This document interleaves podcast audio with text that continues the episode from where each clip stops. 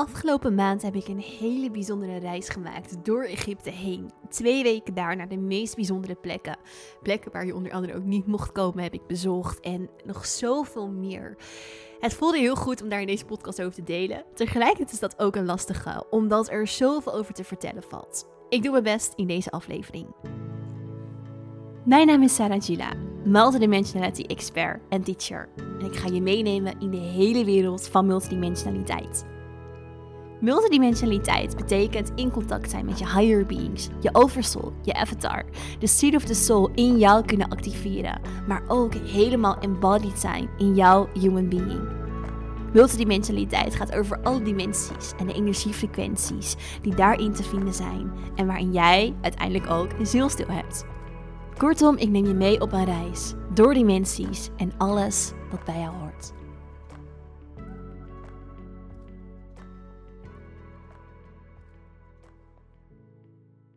Ja, hallo allemaal. Welkom terug bij weer een nieuwe aflevering van de Inspired Podcast. Wat fijn en wat leuk dat je luistert. Nou, deze aflevering is er eentje die ik ehm, een paar dagen, inmiddels bijna weken, heb uitgesteld. Omdat het zo'n, ja, ik zou bijna willen zeggen, lastige aflevering eigenlijk is voor mij om op te nemen. Want ik had het idee om een aflevering op te nemen over uh, mijn reis naar Egypte. En um, jullie daar helemaal in mee te gaan nemen. Maar dit is bijna niet te vatten in woorden. En um, het is iets waar ik nog van merk dat ik heel erg aan het landen ben. En uh, ja, wat zoveel in beweging heeft gezet. Maar ja, waar ik bijna nog niet echt in de diepte de informatie en de kennis vanuit met jullie kan delen. Dus, maar ik voelde tegelijkertijd heel erg, ik wil er wel iets over delen. En ik wil jullie er ook in meenemen. En ik wil jullie ja, in, in, in die magie van Egypte onderdompelen. Want dat is wat het absoluut is. En dat is echt ja, wat ik, wat ik zo heb mogen ervaren daar. Maar woorden dekken sowieso niet de lading. En tegelijkertijd de lading en de woorden die ik er dan aan kan geven, uh, die zijn voor mij nog heel ongrijpbaar. Want het was een reis van twee weken waarin een, een dag echt als een maand voelde, omdat er zoveel gebeurde op alle laagjes. En uh, zoveel grootse processen die um, nou ja, echt heel erg um, ja, bijzonder waren om mee te maken. Sowieso iets waar ik wel heel erg over zal schrijven in mijn tweede boek omdat ik daar natuurlijk ook veel makkelijker uh, er meer woorden aan kan geven dan hier in een podcast. Uh, maar het voelde toch ook niet goed om er niks over te delen op de podcast. Omdat het ja, voor mij zo uh, betekenisvol is geweest in de afgelopen maanden eigenlijk. Want ik voelde al veel langere tijd dat ik echt naar Egypte wilde, dat ik daarheen moest. Het was sowieso altijd al iets van de afgelopen jaren waarin ik voelde, hey, hier, hier moet ik heen. Maar nou ja, na de shift die ik vorig jaar heb meegemaakt, eigenlijk meer van Lorenta naar Sarah, voelde ik nu als Sarah van, hey, maar hier, hier moet ik echt heen. Uh, en ik denk dat het een beetje dit voorjaar was dat er zo sterke calling kwam van, oké, ik, ik moet naar Egypte. Het liefst nu nog, gelijk vandaag. Um, maar ik moet erheen. En nou, ik kon er natuurlijk niet gelijk diezelfde dag nog heen, ook niet de week erna. En um, toen op een gegeven moment, toen kwam er uh, nou ja, de mogelijkheid van deze reis die ik nu heb gemaakt op mijn pad. En toen voelde ik, oké, ja, dat is ook echt de reis die ik moet maken. Die klopt gewoon helemaal voor mij energetisch. En uh, dat is waar ik er moet zijn. En het was nog best wel even een aan de ene kant een, een stukje surrender en overgave. Omdat ik, nou, het was een reis van twee weken. Vanuit daar zou ik direct doorvliegen naar Portugal, waar ik ook twee weken training moest geven. Uh, eerst de, gewoon de weektraining van Inspirit en daarna de live week van de opleiding. En nou ja, dit hebben we sowieso nog nooit eerder gedaan. Twee weken direct achter elkaar. Normaal hebben we er altijd sowieso een week rust en pauze tussen. En nu was dat niet zo. Ook de eerste keer in Portugal, Portugal eerste keer een wat grotere groep. En um, ja, daarvoor dus dan dus twee weken Egypte. En ik voelde van tevoren al, ik moet dit gewoon doen. Dus sommige mensen in mijn omgeving die zeiden ook, moet je dat wel doen? En is het wel handig? Natuurlijk juist uh, vanuit de goede intenties. En snap ik ook, want dat heb ik zelf natuurlijk ook heel erg mezelf afgevraagd. Van, is dit de beste timing? Maar ja, dit was echt de beste timing. Dat voelde ik vooraf en dat was het achteraf ook. Want ik voelde me zo charged toen ik aan de trainingen begon. En alsof alles op een zoveel dieper laagje nog weer in mij doorgeklikt was daar in Egypte. Uh, waarvan ik bijna niet dacht dat het eigenlijk allemaal nog meer en dieper kon gaan. Ik kon dat het dus nog wel. En um, ja, was dat juist ook gewoon echt een diep proces van surrender en overgave. Uh, en, en maakte dat een hele mooie en diepe ervaring. En ja, Egypte dan zelf. Jeetje, twee weken daar, twee weken rondgereisd, twee weken um, van plek naar plek. Het was echt een pelgrimstocht. En de pelgrimstocht zoals die ook in de oorspronkelijke route gemaakt werd. Dus we hebben ook twee binnenlandse vluchten gehad. Um, en voor mij klopte die volgorde ook heel erg. We begonnen bij de tempel van Abydos. Dat is een tempel van Osiris. En Osiris is de god, um, de man van Isis. En tegelijkertijd ook de broer van Isis. Van, dus de goddess Isis. Isis is healing, magic, uh, de Divine Feminine, de Divine Mother. En dan heb je Osiris, was dus haar, nou ja, haar broer, maar ook haar man tegelijkertijd. Want zo werkte dat, uh, of kon dat gewoon toen, in, volgens de mythologie uh, in het oude Egypte. En ze hadden nog een broer, en dat is de broer Set. En Set was eigenlijk het jongere broertje van Osiris. En die vermoordde Osiris. En um, hij vermoordde Osiris omdat hij zelf ook meer macht en power wilde. En Isis was daarin helemaal natuurlijk van slag, want haar geliefde die was vermoord en zij is op zoek gegaan naar zijn lichaam. En zijn lichaam lag, ik geloof even uit mijn hoofd gezegd, 14, over 14 plekken verspreid in Egypte. Um, en heeft zij al die lichaamsdelen weer gevonden, in elkaar gezet en uh, Osiris weer tot leven gemaakt. Ze heeft toen ook een kind gekregen, Horus, de valkengod. Die staat voor de Divine Child, maar later ook de Divine Masculine energie. En um, dat was hun kind. Er zit heel veel uh, correlatie, daar zal ik keer een andere podcast over opnemen, tussen Mother Mary, dus, dus de Virgin Mary en Jezus, en ook tussen Isis en Horus. Er zit heel veel gelijkenis in dat verhaal. Maar Osiris is dus de god van de dood, maar tegelijkertijd ook van de, van de opsta op, of het opstaan vanuit de dood. Uh, de resurrection, dus, dus de, de, de wederkeer. Uh, omdat hij weer tot leven is gewekt door Isis. En we begonnen bij zijn tempel. Tempel Abydos, tempel van dood en resurrection dus. Death and resurrection. En ja, alleen al daar te beginnen en eigenlijk op een bepaalde manier heel dicht bij de laag van de onderwereld, het donker. Uh, en ook de dualiteit te ervaren die zo hier aanwezig is in het universum, was heel intens. Dat vooropzettende, maar ook bijzonder. Want er hangt zo'n intense energie daar in de tempels. Uh, en alleen al die eerste tempel, er waren zoveel spirits die ik zag en die daar um, aanwezig waren en die ook echt afkwamen op het portal van Osiris. Want voor mij was deze plek ook heel sterk een portalplek, waarin dus ook heel veel, um, nou bijvoorbeeld dodende zielen, uh, een, een, een plek zocht om door te gaan, om weer naar het licht te komen, om het licht weer op te zoeken. En uh, want dat is natuurlijk ook de dood, de onderwereld, maar ook de, de weder, wederkeer daarvan uit. En tegelijkertijd voelde dit ook heel erg als een plek waar we nu in de wereld op een bepaalde manier heel sterk um, mee te maken hebben. En dat komt omdat we op een bepaalde manier met de wereld ook nu hier eigenlijk in zo'nzelfde proces zitten. Het, het soort van dood van de wereld. Het klinkt een beetje hard als ik het zo zeg, maar het donker van de wereld, wat heel erg naar boven komt, wat zichtbaar is, wat heel erg naar de oppervlakte komt, maar ook de wederkeer daarvan naar het licht. Wat natuurlijk ook heel erg gaat over het ascensieproces. Maar in Isis, in haar verdriet en in haar pijn en in haar rouw om haar husband, haar man Osiris, uiteindelijk ook weer het licht terugvond in zichzelf. Um, en dat is ook wat de deities, dus de Neteru, dat zijn de, de gods en goddesses um, van Egypte ons heel erg laten zien. Het gaat om de verhalen erachter. Voor mij is dit ook heel erg multidimensionaliteit. Dus elke Neteru, elke deity, elke god of goddess vertegenwoordigt een aspect van ons zijn. Het vertegenwoordigt een aspect van voor ons in de energie van bijvoorbeeld dood of wederkerendheid. Dat hebben wij ook in onszelf. Dus wij hebben ook die aspecten van ons zijn heel erg in ons.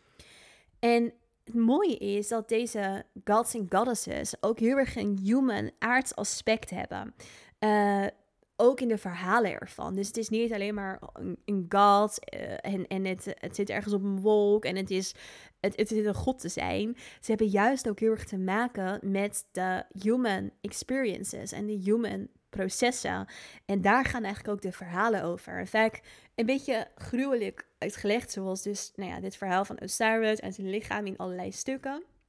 Maar tegelijkertijd ja, maakt het ook wel zichtbaar waar het op een bepaalde manier. Uh, waar voor ons de uitnodigingen liggen en waar onze groei ligt en waar het voor ons in het human zijn ook juist over gaat. Alleen dan ja, vanuit een soort vergrootglas in, in, in mythologie verteld. Um, en dat is, ja, voor mij was dat dus een hele bijzondere plek om te beginnen, om, op zo'n pelgrimstocht, om echt um, een soort bijna reality check van waar we met de wereld staan op dat kantelpunt. En die energie voelde ik daar ook heel erg. En ik zag ook energetisch heel veel energie daar op die plek, wat het voor mij ook wel heel intens maakte. Um, omdat ik het allemaal zag en voelde. Als in zielen die echt een, een stukje heel bewust kozen om naar het licht te gaan, om die plek als een portal te gebruiken vanuit de onderwereld. Um, dus er was voor mij heel veel energetisch verkeer ook daar in die plek. En wat ook bijvoorbeeld heel bijzonder was, is dat je op die plek in de Abydos-tempel, dat er echt een, een, een, een hieroglyf is van een ufo, een helikopter en een vliegtuig. En moet je denken hoe oud daar de tempel is. En dat dit daar gewoon in zichtbaar is. Dat is ja, zo tof dat het zo eigenlijk duidelijk is dat wat er is en waar we in de wereld voor wegkijken. Het staat gewoon beschreven. Het is daar.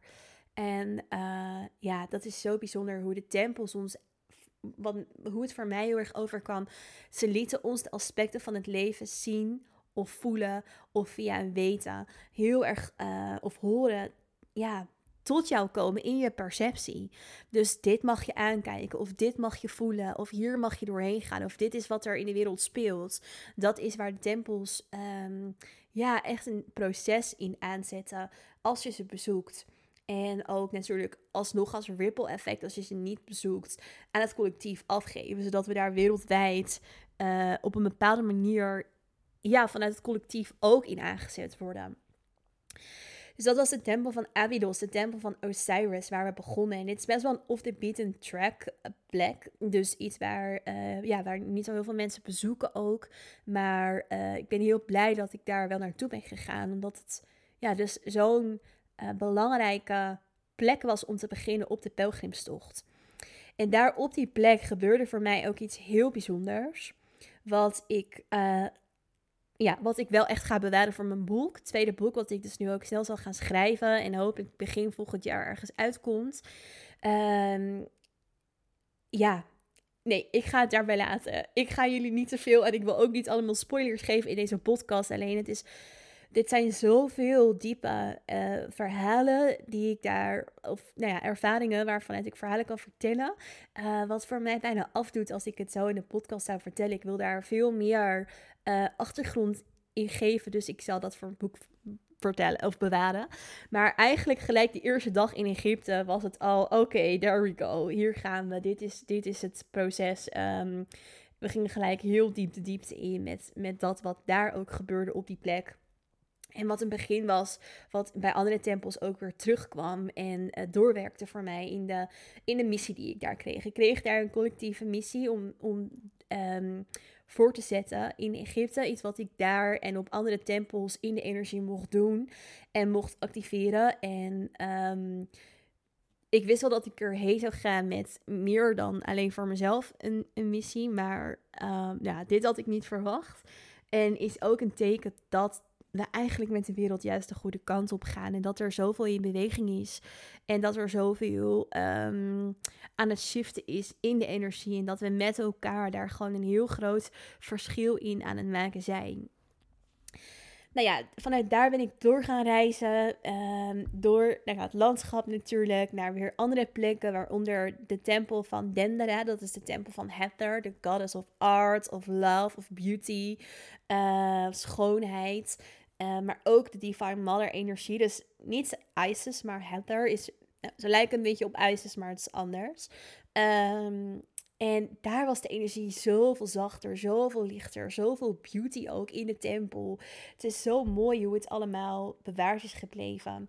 En hier legde ik bijvoorbeeld eh, op een plek in de tempel mijn hoofd tegen de muur. En voor mij was dit echt een plek die heel erg ging over sound. Er was heel veel sound, heel veel vibratie, heel veel uh, energie in beweging daar ook uh, op die plek. Wat voor mij ja, dus heel erg resulteerde in, het, in, het, in, in, in sound. En sound is ook de frequentie van de vijfde dimensie, van de nieuwe wereld, van de aarde, waar we naartoe aan het bewegen zijn. En ja, dat was voor mij ook heel duidelijk wat daar op die plek echt naar voren kwam. De stempel van Heather. Er was ook een kamer. Je moest een heel smal trappetje op. En dan kan je in, het, in een heel smal kamertje, een soort safe space. En daar voel je ook alsof ze echt letterlijk ja, je in een soort bad meenam van beauty, liefde, veiligheid, safety. Um, ja, en ook weer echt sounds. Heel veel gezang, heel veel gezang van spirits daar in de tempel. Dus niet in het fysieke, maar in het energetische. En uh, ja, gewoon heel erg bijzonder. Um, ja, ik zit te denken, ga ik alles af waar ik ben geweest voor jullie in deze podcast? Want ik voelde eigenlijk gewoon, ik wil erover delen. En tegelijkertijd, nu ik het ook zo uh, opnoem, voelt het bijna van, ik doe, ik doe het bijna te kort aan woorden. jullie horen mijn struggle. Maar het is alsnog heel leuk om jullie erin mee te nemen. Vanuit daar um, gingen we naar, uh, in in, midden in de nacht, ben ik naar Karnak geweest. Karnak is een heel groot tempelcomplex waar ze meer dan 2000 jaar over gedaan hebben om te bouwen. En daar gingen we naar uh, Sekhmet, de kapel van Sekhmet. Een plek die normaal niet open is voor de publiek en waar wij midden in de nacht heen gingen. En hier had ik ook nou ja, was ook al wel een beetje bij Abydos, bij de eerste tempel, maar vooral hier de eerste ervaring met de guards. Dus de guards zijn de beveiligers, de wachters in Egypte. En zij, um, ja, zij, zij, het is heel bijzonder om mensen waar te nemen en te ervaren, omdat ze, ze weten aan de ene kant um, hoe krachtig de plekken zijn en hoe sterk de energie is. En dat willen ze beschermen. En daardoor mag je bijvoorbeeld niet mediteren in de tempels. Je mag er niet. Um, ja, je, mag er eigenlijk geen rituelen doen of mediteren. Ze willen het beschermen. Je mag er naar kijken met je ogen open en, that's it. Uh, en, en, tegelijkertijd is het ook de onwetendheid die... Uh, want we hebben met bepaalde guards gepraat van... hey, ja, wat, wat, wat, waarom... Ja, wat, waarom eigenlijk jullie gedrag? hebben natuurlijk niet zo gezegd, maar wat is er aan de hand? En dat we ook wel goede gesprekken konden hebben met het is onwetend. Dus de mensen die daar met rituals naartoe komen. En dat zal natuurlijk ook steeds meer worden. Want het bewustzijn van het oude Egypte is enorm aan het versterken, is enorm aan het verhogen. Juist omdat het bewustzijn in de wereld verhoogt, het bewustzijn op aarde verhoogt. En mensen dus ook ja, steeds, um, steeds bewuster worden van waar komen we eigenlijk vandaan. En een zin die ik ook opschreef in mijn dagboek is: To understand our future, we have to understand where we are coming from. Dus om te begrijpen waar we naartoe gaan, moeten we weten waar we vandaan komen. Dus hoe meer we dieper gaan kijken naar waar we vandaan komen, hoe meer we ook uitkomen op Ancient Egypt. Want voor Ancient Egypt hadden we Atlantis en Lemuria, waar ik natuurlijk ook eerder de podcast over heb opgenomen en voor jullie online heb gezet. Maar daarvoor, daarna was het met name al heel sterk Ancient Egypt, die de wijsheid ehm, en de rituelen en het werken met energie en eigenlijk al een vrij geavanceerde beschaving had, als we kijken naar waar we nu staan. En um, daar worden we dus steeds nu naar teruggeleid in de energie. En daarin zie je ook dat steeds meer Ehm, mensen die zich gaan vergroten of, of, hun bewustzijn gaan vergroten en gaan verruimen, ook uitkomen bij Ancient Egypt. In bijvoorbeeld regressie of het waarnemen van hun andere tijdlijnen. Of de calling voelen terug te gaan naar Egypte, omdat daar dus een andere tijdlijn voor je ligt. Omdat daar een ander leven voor je ligt. Die uh, steeds meer naar voren aan het komen is in de tijdlijn nu, omdat die tijdlijnen aan het vlechten zijn eigenlijk in de kwantums die ze bevatten. Dus als we kijken naar de tijdlijnen, dan is het zo dat de tijdlijnen vanuit het multidimensionale steeds meer informatie beginnen uit te wisselen nu met elkaar. En dat komt omdat we ons gaan verankeren in die vijfde dimensie van eenheid. Hoe meer eenheid in ons bewustzijn vanuit de vijfde dimensie, hoe meer die tijdlijnen ook naar elkaar toe gaan bewegen en er ook meer eenheid komt in ons besef van zijn, van being. En being zijn we op deze tijdlijn, maar being zijn we ook op de andere tijdlijnen. En zijn we samen tegelijkertijd één, verbonden met elkaar. En dat maakt ook dat we steeds meer teruggaan naar die kennis van Ancient Egypt, maar ook van Atlantis en van Lemuria, wat ik in die podcast ook benoemde. En ehm, dat is iets waar ook een stroom hier in de energie ons eigenlijk een beetje tegen in wil, of in wil tegenwerken. Dus het donker van de wereld, het donker van de aarde, wat niet naar die vijfde dimensie aan het bewegen is, houdt ons verankerd in het zijn, in het hier en nu. En de guards weten hoe krachtig het daar is. Dus ik heb het over aardse guards. Dat zijn echt mannen, dat zijn fysieke mensen um, die daar de plek beveiligen. En nou ja, als je dus gaat mediteren, dan word je erop aangesproken. En we waren dus daar in de nacht uh, in, de, in de kapel van Sekhmet. Sekhmet is um, goddess of destruction of war. En dat klinkt heel zwaar, destruction en war, want het is oorlog en het is destruction. Het is niet oorlog per se in de zin zoals we hem nu kennen. Het is ook destruction in het afbreken van dat niet meer kent, wat, we niet, wat we niet, ja, wat we, uh, wat ons niet meer dient. En eigenlijk de innerlijke war op een bepaalde manier bevrijden in onszelf. Dus de innerlijke oorlog en ook de innerlijke dualiteit. Want oorlog gaat over dualiteit. En dat zien we nu ook natuurlijk met de oorlog die speelt tussen Israël en Palestina. Zeg maar, daarin is er heel erg verdeeldheid. Verdeeldheid uh, in het kiezen voor Israël, voor Palestina. En ja, de verdeeldheid die daarmee gecreëerd wordt, dat is waar het in de oorlog over gaat. Um, en segment staat er eigenlijk voor om destruction, uh, to create union. Dus juist uiteindelijk weer een union te creëren. En het verhaal achter Sekhmet is dat Ra, de, de god, de zonnegod, dus eigenlijk een hele hoge universele energie, um, de aarde wilde vernietigen, de mensheid wilde vernietigen. Want het ging niet goed met de aarde. Er was heel veel destruction op de aarde. Dus de mensen uh, maakten de aarde kapot. En um, hij creëerde uh, van Heather, dus de goddess of art, beauty and love, die ik hiervoor heb genoemd, hij veranderde haar in Sekhmet, de lion goddess. En zij, um, nou ja, vermoordde de mensen volgens het verhaal.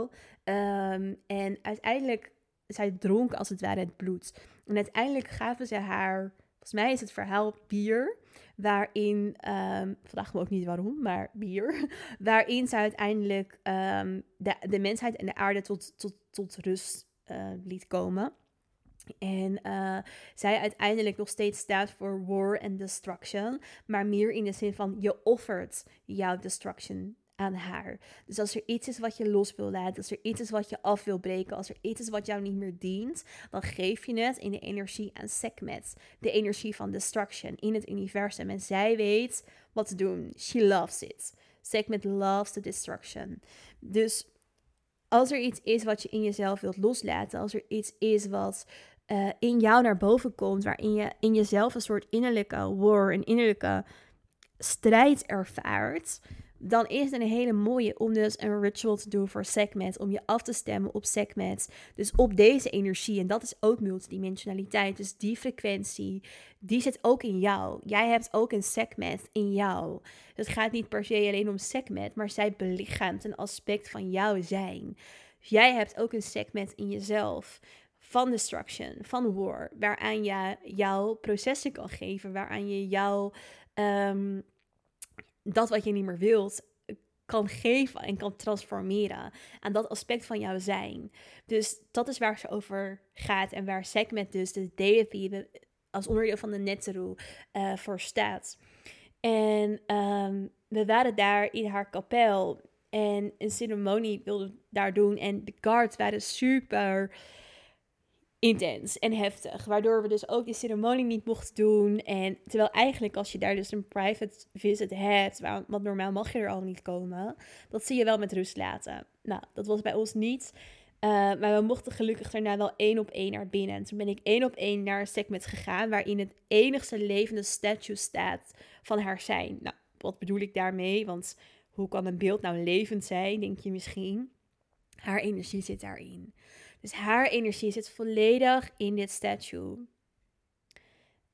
Of niet volledig eigenlijk, maar het hele statue bevat haar energie. En haar energie is natuurlijk veel groter dan het statue. Maar het statue zelf is volledig vibrant van haar energie. En um, ja, ook dat was natuurlijk heel intens en heel bijzonder. Uh, waarin ik ook heel erg haar energie zag shiften. En, en letterlijk die multidimensionale frequentie daar verankerd zag in het steen en in, um, in, het, in het statue van haar in die kamer, daar in de kapel van Karnak. En ja, je moet je voorstellen, ben je daar onder de sterren. Want de sterren waren heel helder en alles daar, vooral in Karnak, is afgestemd op de ster Sirius. Dus Sirius is onze spiritual sun, zo zou je het kunnen zien. Het is een ster, maar een hele heldere ster, de helderste ster. Niet per se de helderste planeet, want we kunnen vanuit hier ook planeten zien en die zijn helderder aan de hemel te zien dan Sirius.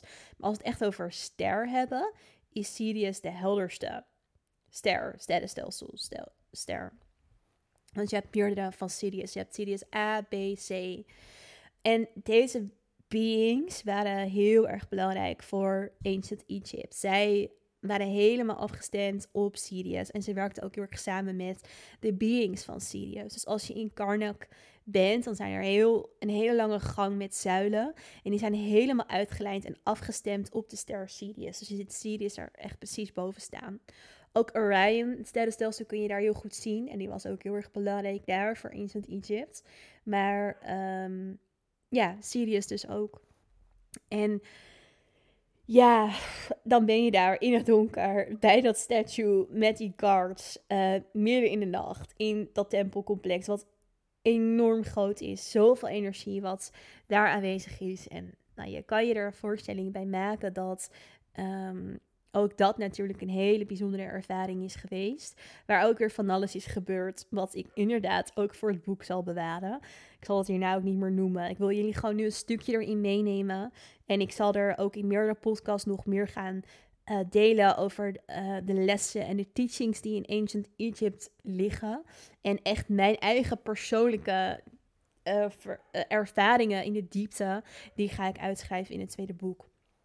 Um, dus ja, dat was ook een belangrijk onderdeel van de reis. En vanuit daar, we hebben nog zoveel meer tempels gezien. En we hebben met een boot over de Nijl gezeild. Dus een oude dia, Diabea, zo noem je dat, Diabea, is een oude zeilboot waarin dus ook in Ancient Egypt werd gevaren over de Nijl. En uh, die ook heel erg belangrijk is in de rol in zo'n uh, pelgrimstocht. Dus vanuit daar natuurlijk uitstapjes gemaakt naar ook weer de tempel van Isis, waar we ook in de nacht zijn geweest. En uh, Kom Umbo, weer een andere tempel die heel erg gaat over de healing met de crocodile gods. Dus de krokodillengod Sobek. En um, ja, zoveel meer. En nou ja, aan het einde van de journey, want ik ga er dus nu even wat sneller doorheen, om jullie eigenlijk met name gewoon de energie te laten voelen van de reis. Ik hoop dat ik die al een stukje aan jullie over kan brengen. Um, aan het einde van de reis ben ik ook um, in een private initiation geweest in de Great Pyramid. En dit was ook insane. Um, de Great Pyramid is een van de belangrijkste piramides in Egypte. En daar kun je in met een hele smalle, lange gang omhoog. Um, en dan kom je in een kamer waar eigenlijk niks is. En een soort betonnen, betonnen een soort bunker lijkt het bijna, waar een sarcophagus staat. Een sarcophagus is een, um, nou ja, een soort graftombe, zo zou je het kunnen zeggen, van steen. Dus eigenlijk een soort kist van steen. Um, maar er zijn nooit mummies gevonden in de pyramids. En nou, die pyramids die zijn ook helemaal niet bedoeld als mummies. Want we zijn ook in de, bijvoorbeeld de Valley of the Kings geweest. En dit is een plek in de woestijn, of aan de rand van de woestijn, in de bergen, zandbergen, waar alle tombes zijn van de farao's, de kings. En dat ziet er heel anders uit als de pyramids. Dus daar zijn allemaal wandschilderingen en uh, waar de offerings en er is heel veel goud. En uh, die zijn trouwens overigens heel veel leeggeroofd, dus dat is er niet meer te zien, maar de wandschilderingen wel. Um, en daar zie je ook zo'n sarcophagus staan, maar net even iets anders eruit ziende. Um, maar daar zijn wel mummies gevonden. Niet in allemaal, want ze zijn ook heel veel leeggeroofd. Maar de hele energie daar is ook zo anders als in een piramide. De schilderingen, dat um, is niet te vergelijken. Dus het is een hele gekke vergelijking om te zeggen dat een piramide een plek was waar, ja, voor de farao's om ze, uh, ja, uh, neer te leggen, zeg maar. Die kregen ook een tombe. Dus, en daar dat was ook voor mij een hele interessante om te ervaren en te zien dat kijk, de oude archeologie, hoe ze de onderzoeken doen naar het oude Egypte en de wijsheid die daarover verspreid wordt, et cetera, is niet de wijsheid wat eigenlijk de schilderingen en de hieroglyphen ons vertellen. Dus er was bij ons een uh, Egyptologist bij. Dus dat is iemand die alles weet over de Egyptology, dus de, de, leer van oude Egypte, die gelukkig heel conscious was. En die ook zei, dit is wat de archeologie zegt en moet zeggen vanuit de overheid. Maar dit is eigenlijk niet hoe het is geweest en wat hier ook staat. En nou, daar zijn niet voor deze podcast heel veel dingen die we daarin kunnen aanhalen. Zoals bijvoorbeeld bepaalde hieroglyphen die uh, zichtbaar zijn in de tempels. In de tempel van Dendera, van Hathor, zie je een soort lightbulb. En daar kan je eens naar googlen. Light, ja, volgens mij is het de lightbulb Dendera. En dan zie je eigenlijk, um, ja, je ziet, je ziet een soort lichtbol op een bepaalde manier met een slang erin en beings ernaast. En er zijn allerlei theorieën over dat ze daarin licht hadden, maar het gaat, daar gaat het niet over. Uh, en tegelijkertijd laat het wel heel veel zien dat ze werkten met energie. Um, en, en, en, en het K, het lichaam, het energetisch lichaam, het etherisch dubbel, dat is waar het ook veel meer over gaat. En op een bepaalde manier wil de archeologie en de overheid niet dat we op die manier kijken naar deze kennis, omdat het ook zichtbaar maakt dat eigenlijk ancient Egypt zoveel meer geavanceerd was dan dat wij nu zijn en zoveel meer kennis had en bevatte dan dat wij nu hebben. En dat is natuurlijk niet wat de overheid wil dat wij weten, want dat maakt hun ook veel minder powerful. En dat maakt het verleden krachtiger dan dat wij nu zijn. En dat laat zien dat er eigenlijk een kracht op aarde is geweest en tegelijkertijd nog is, die veel krachtiger is dan de kracht en de power en de energie waar wij op dit moment uit tappen en die wij gebruiken.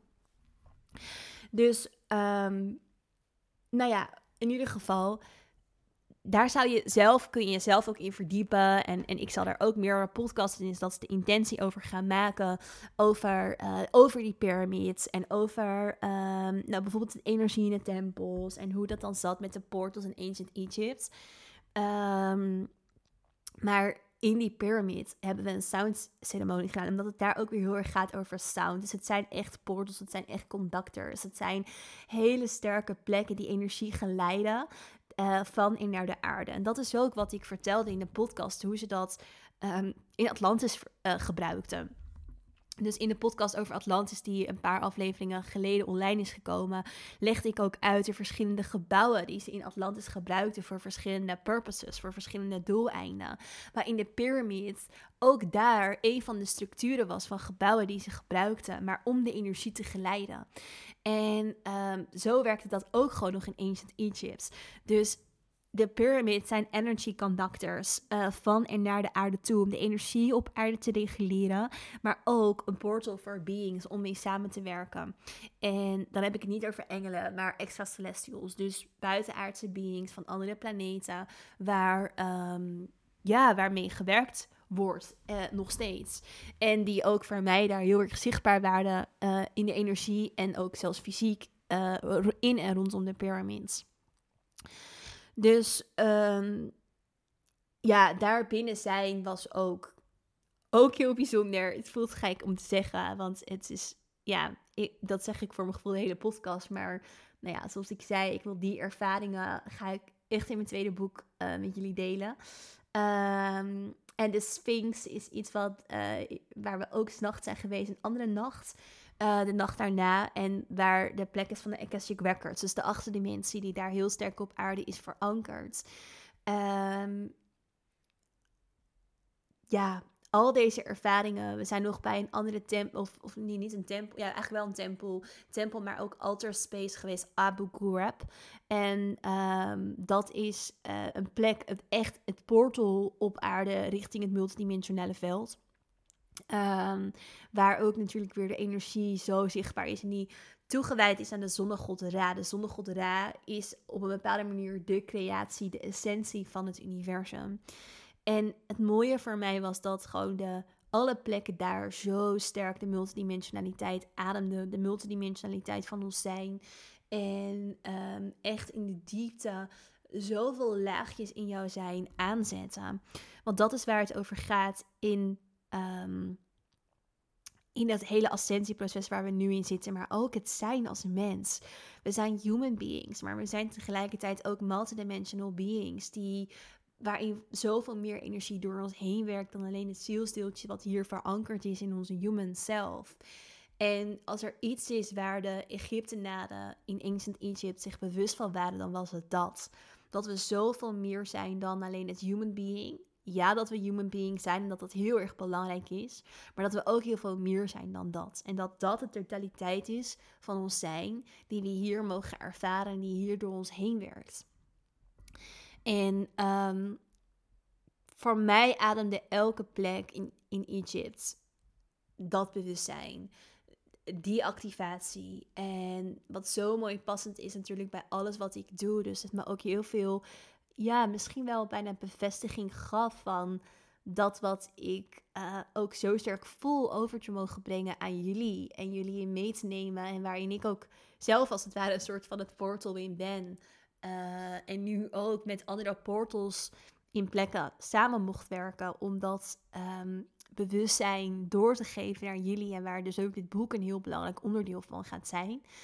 Um, het is ook wel weer grappig hoe dat werkt. Omdat ik al natuurlijk veel vaker heb gesproken over het tweede boek wat ik aan het schrijven ben. En elke keer dacht ik, oh, vorige, afgelopen winter of januari, februari dit jaar wilde ik het schrijven. En toen was het niet de bedoeling.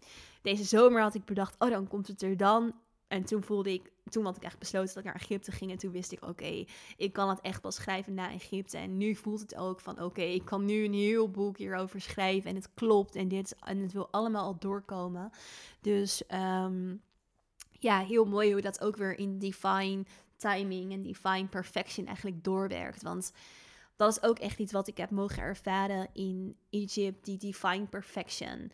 En ik geloof absoluut niet in perfection vanuit het aardse stuk, in dat er is geen perfectie op het aardse, maar divine perfection bestaat wel. Als in dat de divine alles zo sterk uitlijnt en afstemt op elkaar en dat alles klopt en dat het gewoon niks is toeval en, en, en um, zoveel is afgestemd en uitgelijnd dat daar wel een bepaalde perfection vanuit het divine in zit. En niet de perfection vanuit het oordeel goed of fout. Want alles is een ervaring. Maar dat juist die ervaringen in frequentie zo kloppen. In timing, in dat wat er allemaal in zit. Dat um, ja, was heel mooi en ook heel bijzonder om daar te kunnen en mogen ervaren.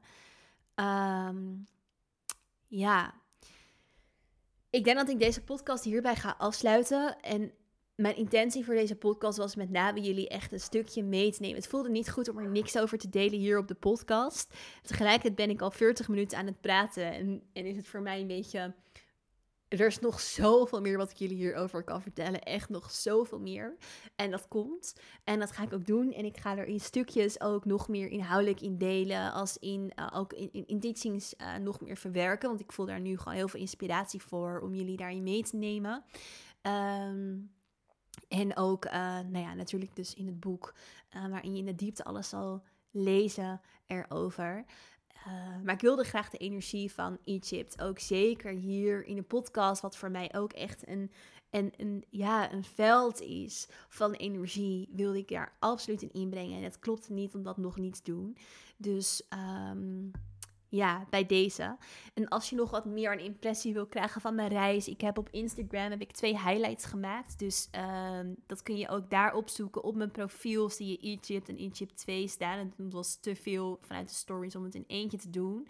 Daarin kan je ook de video's zien van waar ik geweest ben. En uh, ja, het geeft natuurlijk ook een heel mooi beeld. Dus kijk daar ook zeker even als je er meer over wil weten of wil zien. En um, ja, weet dat er dus nog meer teachings over aankomen. En um, ja, ik denk, ik wil je heel erg bedanken voor het luisteren. Ik hoop dat je deze reis een beetje hebt kunnen voelen, een stukje. En um, ja, stay tuned voor het boek wat er dus aankomt. Want ja, er is zoveel wat ik met jullie wil, kan en ga delen. En uh, ja, wat, wat ook heel persoonlijk voelt om te delen. Waar ik ook heel erg naar uitkijk. Dus um, ik ga dat heel snel schrijven. Als in, ik ga er heel snel echt aan beginnen. Om dit allemaal een plekje te geven op pen, uh, of met pen en papier. En um, ja, daarna de. Mijn naam is Sarah Gila, multidimensionality expert en teacher. En ik ga je meenemen in de hele wereld van multidimensionaliteit. in Spirit Podcast. Multidimensionaliteit betekent in contact zijn met je higher beings, je oversoul, je avatar, de seed of the soul in jou kunnen activeren, maar ook helemaal embodied zijn in jouw human being. Multidimensionaliteit gaat over alle dimensies en de energiefrequenties die daarin te vinden zijn en waarin jij uiteindelijk ook een zielstil hebt. Kortom, ik neem je mee op een reis door dimensies en alles wat bij jou hoort.